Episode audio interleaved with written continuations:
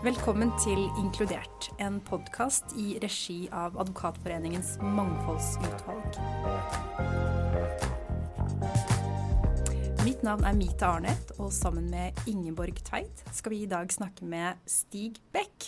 Velkommen til oss, eh, Stig. Tusen takk. Veldig hyggelig. Du, eh, du, skal få lov til å si litt om deg selv, men jeg bare tenkte jeg skulle trekke frem noen eh, stikkord.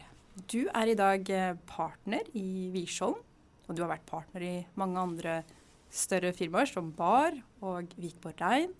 Du, er, eh, du har vært konsernsjef i Solon Eiendom, og en, hva skal man si, en ganske synlig advokat. Uh, hvem er Stige? Stig Beck, med dine ord. Du vet at det, det, er vanskelig å si, egentlig. Jeg har vel alltid slitt med å finne ut av det selv. Men jeg tror sånn i utgangspunktet så er det en ganske urolig og rastløs uh, fyr. Ja som er veldig glad i familien sin og jobben sin, sånn som mange av oss andre er. Ja. Men hvor kanskje rastløsheten og den uroen og litt av det vi skal snakke om senere, har gjort at det er blitt et veldig sånn bredt aktivitetsspekter etter hvert. Mm. Eh, jeg driver med mye annet også enn jobb og det som er med familieliv, men det består av, av hester og gårdsdrift i lange perioder. Det har vært mye fisk og fiske i Lofoten, i Oslo. og langt sørover. Eh, akkurat nå så er det en renessanse for å plukke opp gamle ferdigheter innen grafikk og keramikk, som jeg bruker veldig mye tid på. Har et flott lite studio i Nydalen. Ja. Så det er, men det er et hva skal jeg si, illustrativt for uh, litt sånn sammensatt uh, aktivitetsspekter. det må sies. Men særlig aktivitetene dine. Eh, hvis man leser om deg, så hører man at det, du tar det ganske langt. Du, du, når dere fikk litt sånn hesteinteresse i familien, så så, det, så flyttet dere ut av Oslo og kjøpte gård og hester. Ja, ja og det, det, er vel der kanskje litt av ja, den impulsiviteten kommer, da, som preger, preger eh, typen. Ja. Men, det, men, jo, det har jo alltid vært sånn at når jeg gjør ting, så må jeg gjøre det ordentlig. Det gjelder jo selvfølgelig på jobben. Altså, jeg er kontrollfrik i andre, alle sammenhenger. Mm. Eh, men, men, i det så ligger det også noe, et ønske om noe mer. Et ønske om å gjøre ting profesjonelt. Så hvis jeg skal lage et trykke et bilde, et grafisk bilde, så liker jeg at det gjøres proft. At eh, det jeg bidrar med av kreativitet, suppleres med god teknikk. Ja. Og så kan det hende av og til, en sjelden gang, seg, at det blir bra. Så, okay. så, så, du har en sånn trang til å gjøre ting litt sånn 110 når ja, du gjør det? Ja, man må gjøre det ordentlig. Men det er litt, det er litt sånn variasjoner i det også. fordi det å, man kan, Hvis man legger på seg det lokket at alt hele tiden skal være 100 da, mm. Eh, så mister man litt av muligheten til improvisasjon og det å ta de mulighetene som dukker opp. Og jeg håper jo at jeg kan det også, at impulsiviteten mm. får lov til å slippe til. Mm. Og så er dette med kontroll det er noe som er litt selvpålagt. Det er en slags form for tvangshandlinger, eller mm. hensiktsmessige tvangshandlinger, som min en psykiater ville sagt. At uh, de, de, er der for å skape litt rammer rundt uh, impulsiviteten. Ja. Så kombinasjonen er egentlig det viktige. Mm tror jeg. Ja. Hm. Vi, vi, er jo, eh, altså Mangfoldsutvalget er jo under Advokatforeningen. Og vi syns egentlig vi synes alt det er litt sånn gøy å høre. Hvordan fant du veien inn til jusstudiet? Hvordan ble det til? Veldig tilfeldig. Altså jeg, jeg, jobbet med radio og TV i nærradioen og TV-livets uh, ungdom utenfor NRK. Ja. Sånn på 80-tallet. Og da eh, hadde jeg egentlig bestemt meg for å bli journalist. Jeg skrev en del. Eh, var konferansier sånn i mange settinger og sammenhenger. Og så tenkte jeg vel at juss var en hensiktsmessig utdanning å ha, for det kunne fungere til hva som helst. Ja. Og så under jussen så tok jeg bl.a. en ekstra runde om bank- og pengerett. Og så dukket opp en mulighet til å jobbe i daværende Kredittilsynet, nåværende mm. Finanstilsynet. Og så gikk veien veldig fort videre til, til en bank, til daværende Kredittkassen, nåværende Nordea. Samme eh, arbeidsplass som meg. ja, ikke sant. Jeg, jeg la merke til det. Um, og så ble det jo da advokat. For da var jeg advokat i banken. Og så ble det Vikborg Rein og Bar og, og Wiersholm. Ja, spennende. Og så har jeg lest et sted at uh, du tok jussen på rekordkort tid. Altså det bare raste igjennom um, på hva var det, et par år? Uro og rastløshet. og igjen, hvis jeg skal sitere psykiateren, så åpenbart et tilfelle av sånn tidlig ungdomsmani eller hypomani over lang periode. Så det, jeg var vel mer eller mindre sånn passe høy gjennom hele greia. Men det er ikke noen anbefalt måte å gjøre det på. Nei. Man får jo ikke med seg alt det hyggelige på, på studiet, så det blir liksom helt uh, Jeg har en datter som har begynt å studere nå. Det prøver å forklare henne at det er ikke det som er metoden. Nei. Selv om det går fort, og det er gøy å komme i gang med jobb. Vi har jo en del unge lyttere, så du, du vil ikke anbefale å bare rushe gjennom, men kanskje drikke litt flere pils i frokostkjelleren? Ja, både i forhold til jussen og juss er modningsfag. Ja. Eh, man skal Det er fint å på en måte henge med i de mer sånn faglige sammenhengene. Og så er det den sosiale biten også. Det nettverket du bygger opp i studietiden. Det skal du leve med også med i hvert fall deler av det resten av livet. Så det å få med seg noen eh, pils på frokostkjelleren, det tror jeg er veldig viktig. Jeg fikk ikke med meg noen, så vidt jeg kan si. Du fikk ikke med deg. Vi får håpe du tar igjen litt nå. Men, ja, eh, mer vin, kanskje. mer vin, ja. Men som jeg nevnte innledningsvis, så er det jo Du har vært en veldig sånn synlig advokat. Eh, både i forhold til ulike transaksjoner, i forhold til advokatkåringer. Eh, og i desember 2020 så gikk du ganske bredt ut, og så var du åpen om at du har bipolar lidelse. Og nå har det gått noen år siden du gikk så bredt ut. Eh, og det har vært en del tilbakemeldinger. Og jeg forstår stort sett positivt. Men hva, hva er liksom refleksjonene dine etter, etter den tid? Um, jeg har jo på en måte vært åpen med mine nærmeste ganske lenge. Ja. Um, men i starten, i veldig mange år, så var jeg ikke åpen med noen. Mm. Um, når jeg etter hvert hadde fått litt øvelse i å snakke med noen utvalgte på jobb og, og familien, mm. kanskje noen få venner, mm. så ble det jo etter hvert en kjent greie. Jeg har et mm. relativt stort nettverk. Og det dukket opp eh, noen eh, forespørsler om å lage et portrettintervju. Mm. Eh, egentlig lenge før vi faktisk laget det, for det kom med en gang. Men journalister er jo ofte litt sånn standhaftige. Og så var dette en veldig flink og veldig hyggelig journalist som jeg hadde mye respekt for sånn faglig. Mm. Og da, etter en liten runde da min datter var, Det var egentlig min datter som bestemte at jeg skulle takke ja, for jeg hadde sagt nei to ganger. Mm. Og så spurte jeg henne over middagsbordet om hva hun tenkte. Ville det være vanskelig å liksom lese dette eller se det på forsiden av DN? Mm. Eh, da lo hun og sa at eh, jeg var en eh, jeg var fryktelig gammel, og så, sånn er det ikke lenger. Så Vi snakker om det hele tiden. Så fortalte hun at hun nettopp hadde snakket om hele familien sin i en psykologitime på skolen inklusiv meg, og fortalt hvor uh, vanskelig det var. Mm. Um, så da kjørte vi på. Mm. Og reaksjonene etterpå var uh, Når jeg tenker på det nå, så tenker jeg at det var fryktelig voldsomt akkurat uh, den dagen det sto. Jeg var ja. ikke klar over at det skulle stå på forsiden, ja. for det har ingen helt kontroll på. Alt annet var akkurat sånn som vi hadde avtalt.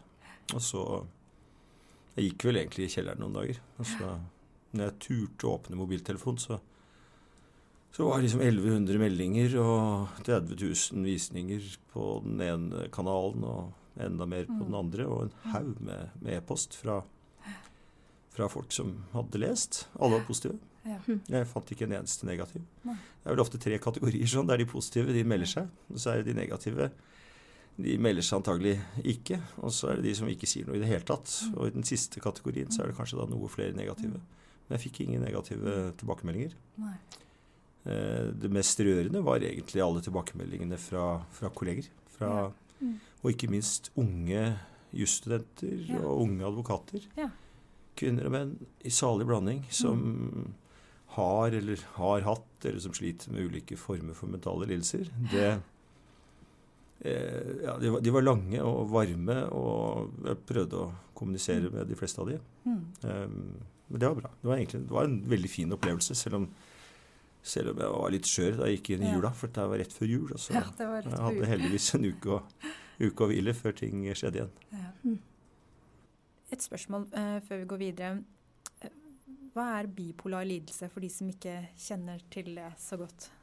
Bipolar lidelse er en, uh, antas å være en genetisk uh, sårbarhet som knytter seg til funksjonen, altså hjerneorganisk dysfunksjon, rett og slett, som medfører at man er sårbar for å komme inn i en situasjon som er selve lidelsen. Og lidelsen består av det å bevege seg mellom det, det helt unormalt høye. Og da tenker jeg ikke litt sånn party-happy. Da er du enten hypoman eller du er manisk. Og hypoman, da er du veldig høyt på deg sjøl. Mm. Eh, hvis du sklir over det maniske, så har du mer psykotiske mm. trekk, kanskje. og, og har eh, litt stormannsgalskap og, og sånne ting. Det Er, men du er veldig, veldig høy, veldig intens. Man mm. snakker ofte veldig fort. Og eh, mister bitte lite grann av de hemningene, eller kanskje ganske mye av de hemningene som vi normalt har. Det er antagelig venstresida av hjernen som driver kontroll, som ikke er helt i funksjon akkurat der og da.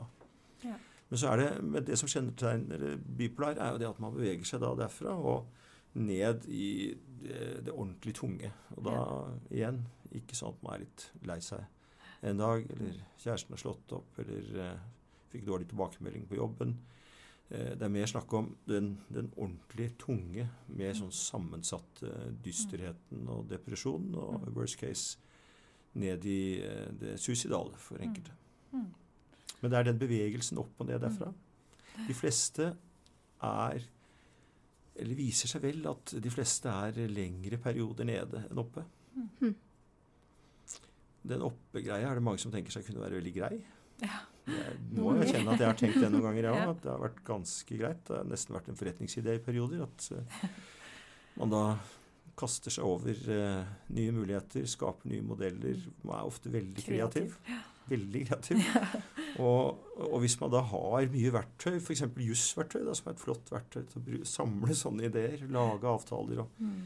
Lage modeller, skrive det ut, mm. det en, kan være en, en helt ålreit ting. Ja. Men uh, for en selv og for omgivelsene, ikke minst, da, så er det ofte ganske slitsomt. Mm.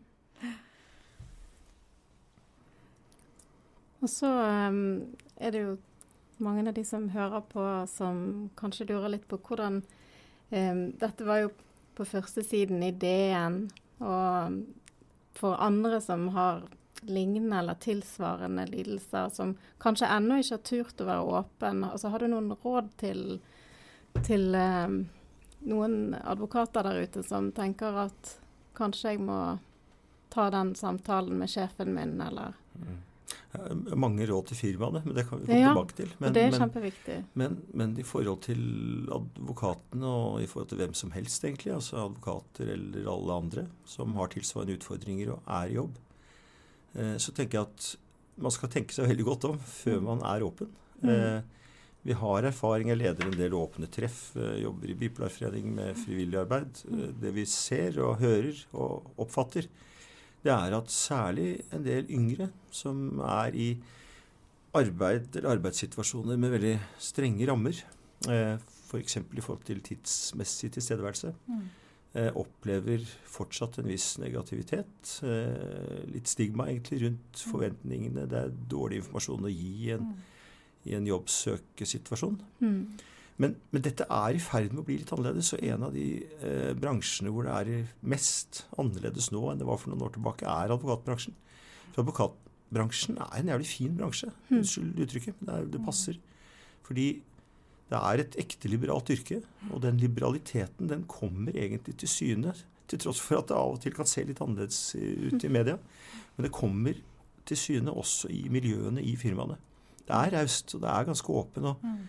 når man diskuterer mangfold, og det vi skal snakke litt om også etterpå, så er det, så er det, det er en ekte, mm. ekte iboende raushet mm. i veldig mange virksomheter. Man snakker åpent om, om ting, og man setter seg mål, og man jobber for å nå dem. Men grunnen til at jeg likevel er litt hva skal vi si, tilbakeholden med å si at uh, løp rundt og vær åpne, det er at hvis du, hvis du deler i to Hvis du sier din åpenhet, er den bra for andre? Så er svaret nesten entydig ja. Du bidrar. Det er ikke noe tvil om det. altså Uansett hvor rare og underlige og profesjonelle og kårede og ikke-kårede vi måtte være, så, så, er all åpenhet er positiv for flokken av folk med mm. utfordringer. Eh, og det er viktig. Eh, men for deg selv så Vi er utrolig forskjellige. Og noen eh, vil slite med å tåle den oppmerksomheten på så private ting. Mm. Og det bør man tenke på på forhånd. Og så må man tenke på at det er en trakt. Hvis du starter med å innvie familier og venner, så har du kontroll. Men på det tidspunktet du går helt ut, utover jobben, mm. så er du ute i et uh, stort medielandskap mm. hvor um, det kan være mye underlige tilbakemeldinger. Ja. Mm. Jeg har ikke opplevd det. Men jeg vil være Jeg vil tenke at man diskuterer med de rådgiverne man har, ikke minst de som hjelper til med det mentale, eh, og med familien sin, hele veien før man går ut. Sånn at man også, sånn som for min del av min datter, at jeg, jeg har med noen av de, de nærmeste.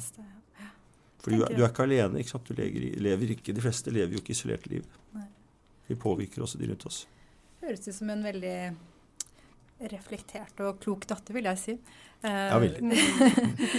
og, og, så tenker jeg også at eh, når jeg hører at du sier at det, når mottakelsen er så positiv, og, og det at eh, bransjen og også andre viser en, en, sånn omsorg og nærmest en sånn inkludering, så er det først når folk tør å være åpne og tør å være sårbare i forhold til de tingene der, at, at man også opplever det den omsorgen da, på mange måter. Eh, og at det er rom for det. Eh, for når man ikke snakker om det og eh, later som alt er OK, så, så, så, ser man heller ikke hvor mye varme og ja.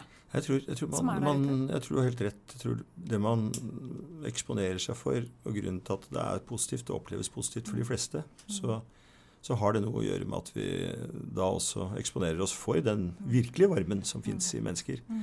Og så er det litt viktig, hvis vi sklir litt over til eh, jobb da, og ledere, mm. Jeg har da vært jobb og leder og sjef i, i, i mange år. Og de rundene jeg har hatt i ettertid av den DN-artikkelen, har egentlig vekket meg litt i forhold til veldig mange temaer. Mm. Eh, fordi uh, man har en tendens til, kanskje tidligere i advokatbransjen, til at våre rollefigurer vi blir veldig sånne roboter. Sånne mm. profesjonelle fasader, suksessfylte, vellykkede, høye inntekter, en hel haug med akkumulerte såkalt positive effekter. Eh, men det som da er aller viktigst, det er at også den gruppen eh, viser en viss form for sårbarhet. Altså Man skal ikke løpe rundt og sette seg og gråte på kontoret til de ansatte eh, hver dag. Men kanskje skal man det en gang når man hører en historie som er vanskelig eller har vrient selv. Men i hvert fall at man til en viss grad åpner på egen sårbarhet. Det tror jeg er helt avgjørende for at miljøet skal funke. Det er jo typisk det som funker veldig bra i Wiersholm, som er et firma som jeg er blitt veldig glad i, og som har funket bra i mange andre firmaer, inklusiv bar, som jeg var i tidligere. Ja. Eh, det at eh, man har eh, ledere som faktisk tar sjansen på å bidra med litt mer enn den stereotype mm. advokatrollen. Ja. Så det ligger et lederansvar her også for å Ja, det syns jeg det gjør. Ja. Mm. Og det er leder, også er det litt vanskelig å si at det er et lederansvar å være åpen på egen sårbarhet. Men det går kanskje an å formulere det sånn. I hvert fall så er det et ideal, om det ikke er et ansvar. Mm. Litt sånn tonen fra toppen, at man ja. Hvis man er uh, At det er greit. Altså, mm. Sånn er det. Ja, og Vi, sånn er det. Og man er forskjellig. Så. Og så har jo skjedd litt i advokatbransjen også. Den, igjen da til stereotypien så mm. har du den typisk mannlige høye mørke, altså ikke nødvendigvis bokstavelig, men i, i, form og innhold. Mm.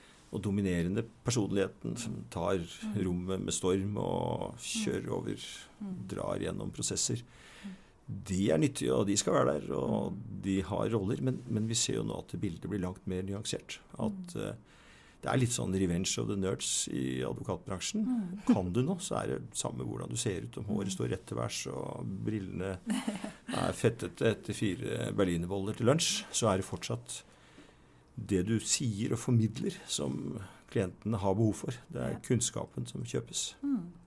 Og kanskje også ektheten. At du er uh helt deg selv og Definitivt. tør å være det. Og det er kanskje litt ålreit. Det blir mye bedre smalltalk, f.eks. Jeg har alltid ja. hatet smalltalk, men nå de siste par årene så har det vært helt ålreit. Ja. så bra. Eh, vi må en liten tur innom eh, det at du har et veldig sånn Du har et veldig sånn rigid plan for dagen. Du har veldig struktur, og du har et veldig sånn eh, Hva skal jeg si eh, Klart forhold til tid. er det en måte å mestre måte sjonglere kanskje sykdom og, og, jobb på, eller er det Nei, det, Ja, ja. Det er det. Hva skjer hvis noen utfordrer de planene du har Nei, for det, dagen eller uken? Det kan gå helt til ball, for å være ærlig. Eh, ja. Men på jobb så vet jeg alltid at der blir det alltid utfordret. Men mm. der prøver jeg å ha en litt mer fleksi variant, og så kompenserer jeg hjemme. Og da blir jeg jo vanskelig hjemme. fordi hvis den planen som jeg har lagt om mm. hvordan ting skal håndteres etter klokka sju, så, og den ikke funker, mm så blir det mye uro og frustrasjon. Og ja. Så det, er en, det å leve med sånne som meg er vanskelig. Ja, for det tenker jeg det skjer rett som det er i, i vår bransje, eller din bransje. Ja, ja på, og, og, på jobb så gjør det det. Men der, der, bruker du som sagt veldig mye av kapasiteten. Jeg er, jeg er tidlig oppe. Da. Det har jo alltid vært. Så det er mer sånn en, Det er en tvangshandling, det også. Jeg er oppe 4,42. Har vært det siden jeg var 15. Men da det som skjer da, er at du får både du får tjent litt altså gjort, Det er også en tvangshandling, så jeg må liksom håndtere. Jeg syns ikke det er spesielt gøy, men jeg skjønner at det er nyttig. Men så må jeg forberede meg. Det er ofte sånn i bransjen vår at det, lages og skrives veldig mye, særlig av gode kolleger. De sitter og jobber utover kvelden og holder på. Ikke nødvendigvis utover kvelden, men de holder i hvert fall på. Mm. Men jeg legger meg ganske tidlig, for da er jeg liksom off. Og så er jeg tidlig oppe. Og da kan jeg sitte og gå gjennom og tenke og planlegge dagen på en god måte. Mm. Hvis jeg ikke får gjort det, så blir jeg frustrert. Jeg mm. prøver å unngå f.eks. å havne med fly på Gardermoen på morgenkvisten. Så gå rett på jobb klokka ni. Det er helt håpløst. Da, mm. Den dagen er ikke, den er, fungerer ikke. Nei. Så du har en veldig sånn strukturert morgenrutine? Ja. Det syns jeg er spennende. Er det, vil du dele noe mer om den? Nei. Nei. jo, jo, jo, jo, den er veldig enkel. Altså det, og den er ikke noe, på noen måte noen form for original. fordi jeg, jeg, står opp 4.42, og så um, løper jeg en tur, eller drar og trener styrketrening. Eh, og så, når jeg er ferdig med det, da er stort sett klokka da, Hvis jeg har løpt, da, så er klokka sånn halv seks eller sånn. Da kan jeg seks, og så kan jeg dra på jobb. Og så har jeg to timer som, hvor jeg sitter, og da skriver jeg. Hvis jeg skal mm. skrive, så skriver jeg da. Mm. Fordi du får ikke tid til det resten av dagen. Da er det møter og aktiviteter og telefoner. Mm. Du er alltid i en eller annen form for kommunikasjon. Fordi noen partnere har jo kommunikasjon som hovedjobb. Vår jobb er å bringe ting fremover og få ting på plass. Mm. Det er mye prat. Mm. Og du får ikke tid til å tenke hele tiden. Men mm. det å da ha to timer om morgenen til å drive litt sånn aktivt, faglig, konstruktivt arbeid, det er ganske deilig. Høres ut som ren skjær, ja, ren skjær luksus, særlig for oss ja. som er sånn småbarnsforeldre. og To timer for seg selv, det, ja, det skulle jeg ønske. Litt fordypning. Så spennende. Til fordypning ja. og litt jobb. Oh, Men jeg husker det med småbarnstiden. Altså, det, var, det, var, vanskelig å få kombinert på en ordentlig måte. Mm. Ja. Mm. Ja, men du eh, Stig, du, jo, eh, du nevnte jo at du har engasjert deg i Bipolarforeningen. Og så er du nå også innstilt som nytt styremedlem i Rådet for psykisk helse. Hvorfor er disse foraene viktige for deg? Det, de er viktige fordi de er generelt viktige. fordi frivilligheten i Norge I Norge så har du egentlig ikke en privat og en offentlig sektor, men det har du. Det er en privat frivillig og offentlig sektor. Den frivillige sektoren er ganske stor på alle områder. Og det frivillige biten er innmari viktig eh, i forhold til mange ting. Og for meg så har det vært veldig viktig fordi eh, jeg hadde jo veldig mange tiår hvor jeg ikke snakket med noen om noe. Eh, etter hvert med min kone og litt, litt flere. Men, men man snakker jo aldri da med noen som egentlig er i samme situasjon. Hvis mm. du snakker med psykiateren, så snakker mm. du med friske folk. Mm. Um, så jeg fant på et eller annet tidspunkt ut at hvis jeg skulle mene alvor med å være litt mer åpen i forhold til egne utfordringer uh, Og jeg trodde vel på et tidspunkt også at jeg måtte gjøre det, fordi det ble litt sånn påtagelig at det var noe der. Og det var greit å forklare det på en ærlig måte. Så tok jeg kontakt med Bipolarforeningen. Og det var en rørende greie, for å være ærlig. Eh, når vi første gang snakket med noen som brukte begrepet 'vi', og jeg var på en måte inkludert i det 'vi-et', mm. da får du en sånn flokkfølelse. Mm. Uh, og det er klart I en sånn type forening så er det alle mulige slags mennesker. Ja, det er advokater og medisiner og, alt mulig rart. Mm. Men det er hele variasjonsbredden. Folk i jobb, utenfor jobb, halvveis jobb. Uh, og med alle mulige karakterer og mm. Funksjoner. Uh, Bipolar lidelse fordeler seg jo sånn jevnt eh, ca. 2% av befolkningen, og helt uavhengig av bakgrunn og annet. Mm. Um, så det å være en del av den flokken, mm. det ga en god følelse. Det tror jeg er veldig bra terapeutisk også. Mm. Og så er det viktig å jobbe for, for, saken. Jeg er blitt litt, litt over snittet engasjert. Ja, men det er virkelig, ja. Det å et, uh, gi det et ansikt er jo fantastisk. Men jeg, jeg, jeg, ser det, det at liksom, Fra å være helt alene om, om sykdommen til å være Møte andre som Ja, men det er flere som har dette her. Det er ikke bare meg. Mm. Eh, det må det vi, være en ålreit opplevelse. Ja. Det vi-et. er veldig veldig ålreit på den måten at sånn én til én, og mer i samlinger og sånne ting også. Mm. Hvor det er lettere å ha humor på ting når du mm. måtte hører om Petter som mm. åpenbart mm.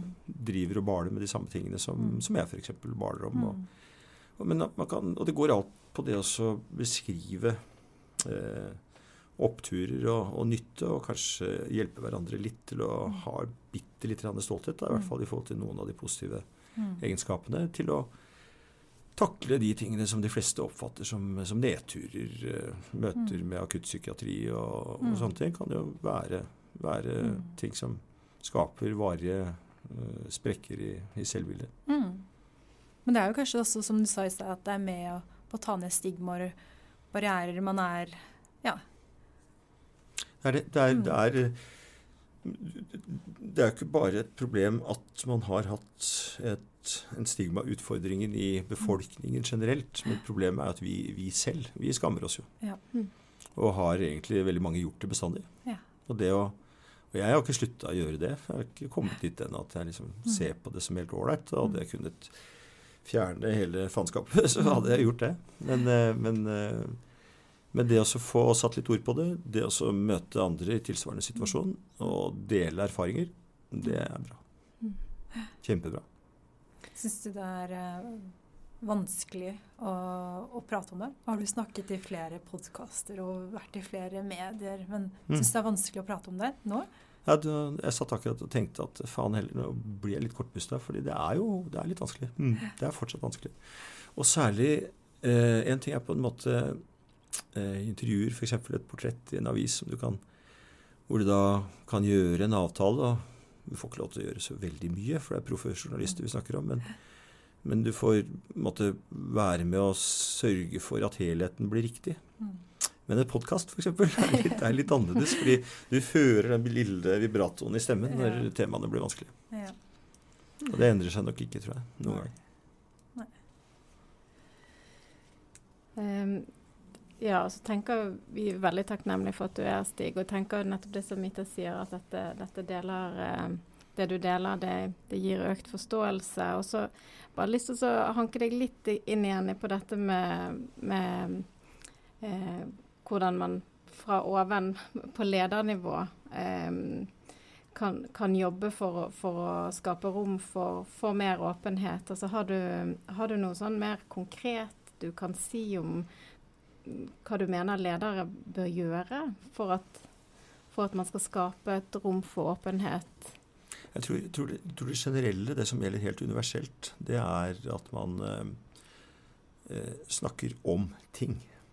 Eh, men vi ser jo at der en leder eller en ledergruppe bare snakker om ting, men i forhold til en generell utfordring ikke deler sine egne utfordringer, så får man en mindre effekt. Altså Man mm. får ikke den automatiske åpenheten. Det er på en måte, Da formidler man at vi takler helt fint at du og du og du og staben for øvrig eh, har en del utfordringer.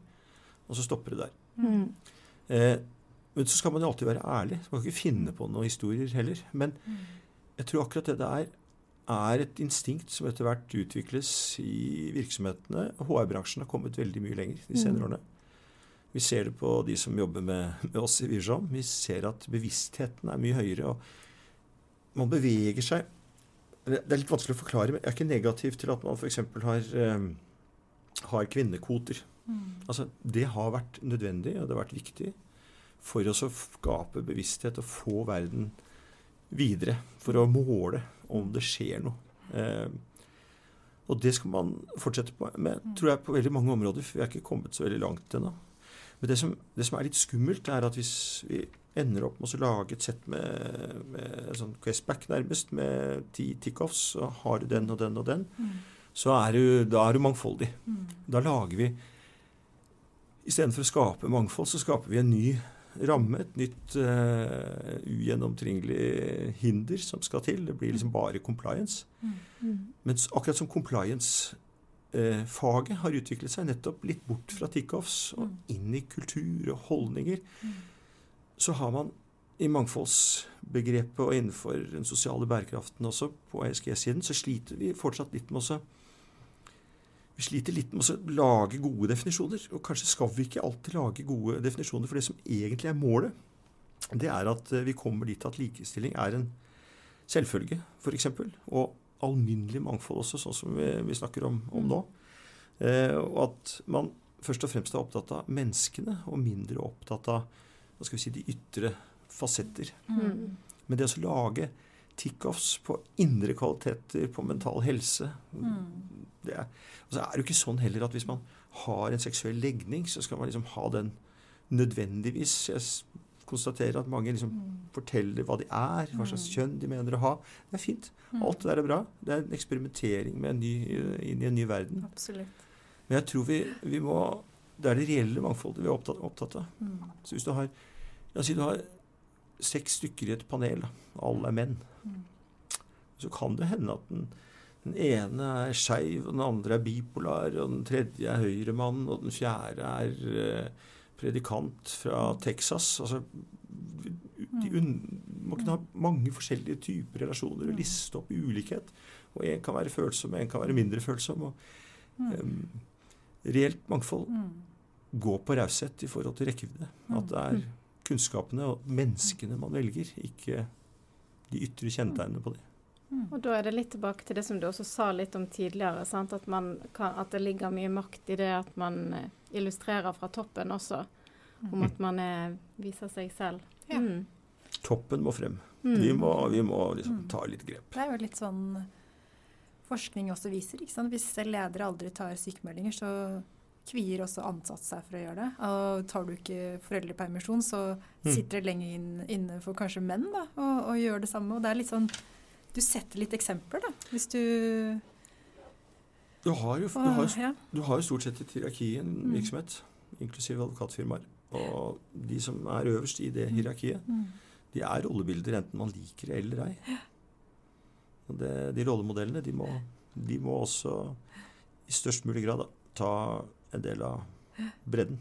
Mm. Nå har du sagt litt, Stig, om måte det aktive arbeidet på en arbeidsplass for å skape åpenhet. Men sånn med tanke på rekruttering, hva, hva, det, hva kan man få gjort der for å jeg tror man kan, eh, man kan, øve. Det er selvfølgelig vanskelig å finne de riktige typene. Men jeg mener også her at HR i mange bransjer etter hvert har blitt ganske flinke til å se ulikt typemateriale. Men akkurat det med om man skal ha med seg en bipolar eller ikke, det, det kan godt være at det er et tema man skal ha litt fokus på. For man har man bl.a. norsk forskning som, som, helt klart sier at den bipolare populasjonen den vil hva gjelder kognitive og kreative egenskaper ligge litt over snittet. Og det kan også være forklaringen på at vår genetiske feil, hvis det da er en feil, aldri ble utryddet. Den ligger der fortsatt. måte. Den er en, en utvikling. Vi finner spor av den langt tilbake til de store grekerne. Mm. Og det kan ha en forklaring at vi rett og slett trengs litt for å drive samfunnet fremover. Mm. Kunst og ikke minst forskning, litteratur og vitenskap. Eh, det er selvfølgelig noe jeg sier og av og til snakker om med gode venner, ikke minst bipolære venner, for å skape litt selvtillit i, i leiren. Men det er også en kjerne av sannhet i det. Og kanskje er det det HR og rekruttererne da skal ta med seg at mulig når vi skal rekruttere et team, at vi bare skal passe på at vi får med et par bipolare i, i pakka for å få den dynamikken som det kanskje kan være med å skape. Mm. Og Det er jo litt en felle med rekruttering at man gjerne, hvis man ikke har et profesjonelt apparat rundt seg, så velger man gjerne de som er likest en sjøl. Mm. Um, man gjør det, og det har jeg gjort også. Jeg har ledet rekruttering i firmaet i mange år. Um, tidligere firma. Og det jeg tror jeg gjorde, som uh, mange andre har gjort, det er nettopp å gjøre som du sier, at man, man leter litt etter det trygge. Og det trygge det er det som ligner på en selv. Jeg tror vi skal lete litt mer etter det utrygge. Mm. Det som er litt annerledes, og som kanskje har en annen dynamikk, men som allikevel er ordentlig skikkelig og planta til jorda med en god utdannelse i bånn. Mm. mm. Mm.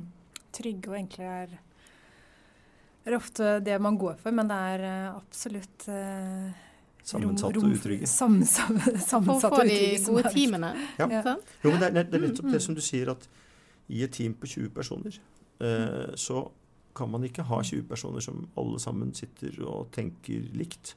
I det teamet så bør det være, enten det er på 5 eller 20, så bør det være noen som tenker annerledes, og som mm. tenker litt utenfor boksen, og som, mm. som, kanskje lar den høyre hjernehandelen, der er liksom kreative senteret sitter, mm. eh, får lov til å jobbe litt, eh, mm.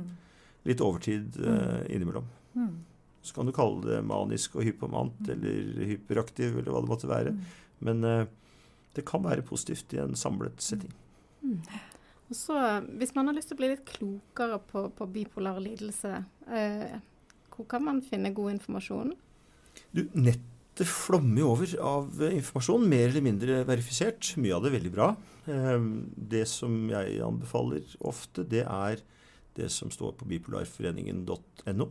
Mm. Det er en trygg eh, side med fagstoff eh, godkjent av norske vitenskapsfolk i, i Nordment her i Oslo. Og alt sammen er, er sjekka ut og, mm. og, og verifisert. Men i tillegg så er det mye annet. Det er mye sosialt. Og man kan f.eks. Eh, ta et, eh, en tur på et åpent treff. Vi har åpne treff 14 eh, steder i landet nå. Det er sånne samtalegrupper hvor man bare kommer inn og setter seg og prater uten noe fast agenda. I Oslo så er det åpne treff på Batteriet i Fredensborgveien og i, på Link i Majorstua.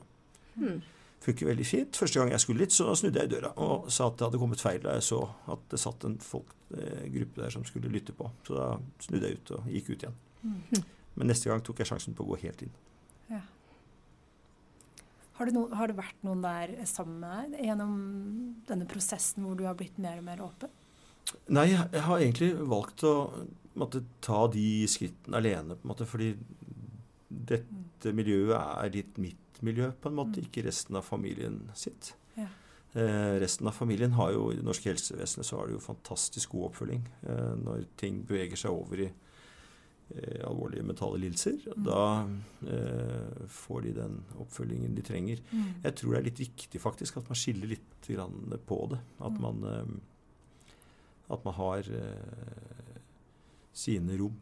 Mm.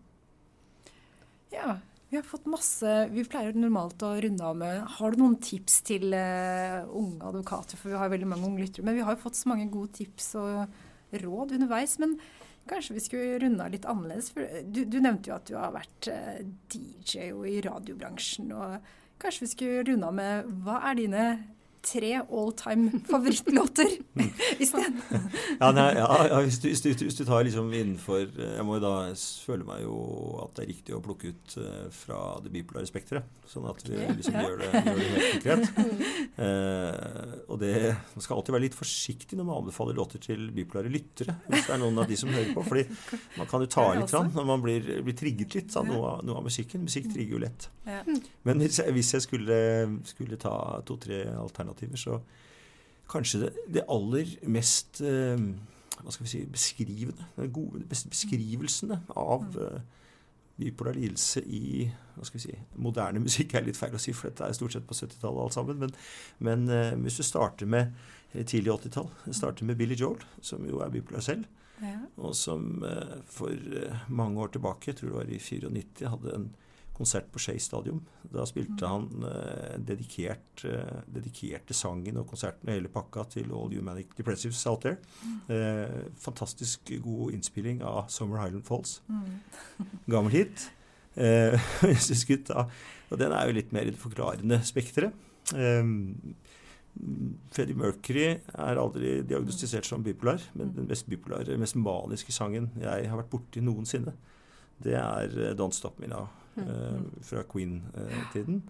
Som er helt steinvill. Det er sånn supersonic travel på en måte, på high speed. Nå brukte han sikkert litt annen speed enn uh, medisinske varianter som er anbefalt. Men, men, det er, altså, teksten der er så ufattelig bra og følges opp av et en, en, en, pakke og et arrangement som understreker galskapen så det holder. Så hvis vi virkelig skal gå til topps med været til topps og hele mm. pakka, så må du være med Don't Stop Me Now. Gjør det på den måten.